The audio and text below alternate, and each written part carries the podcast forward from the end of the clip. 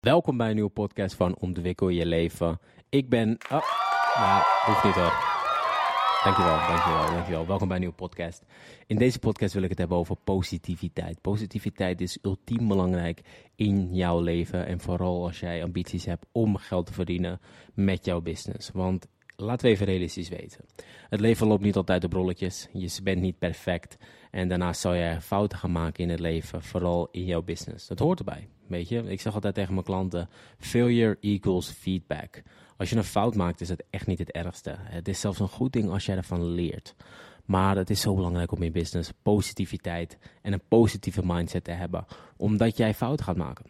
En als je dan in een negatieve spiraal landt, dan kom je er nooit meer uit. En dan zou jij stoppen met business en dan zou je inconsistent zijn. En dit is heel erg belangrijk om te weten. Een business bouwen duurt jaren. Robert Kiyosaki van het boek Think, uh, nee, van het boek Rijke Pa, uh, Arme Pa, die zei het zelf het beste. Het duurt ongeveer vijf jaar om een business te bouwen. En vanaf daar heb jij een lucratieve business.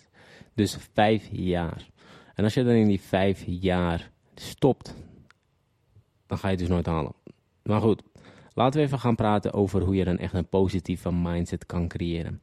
Het belangrijkste is, want ik heb dit zelf ook gedaan. Je kan van mezelf zeggen dat ik erg positief ben. Ik zie altijd het positieve in elk aspect van het leven. Gaat er iets fout, breek ik mijn been, dan denk ik van, nou, oké, het moest gebeuren. Als ik mijn been niet brak, dan had ik mijn hoofd eraf gehakt.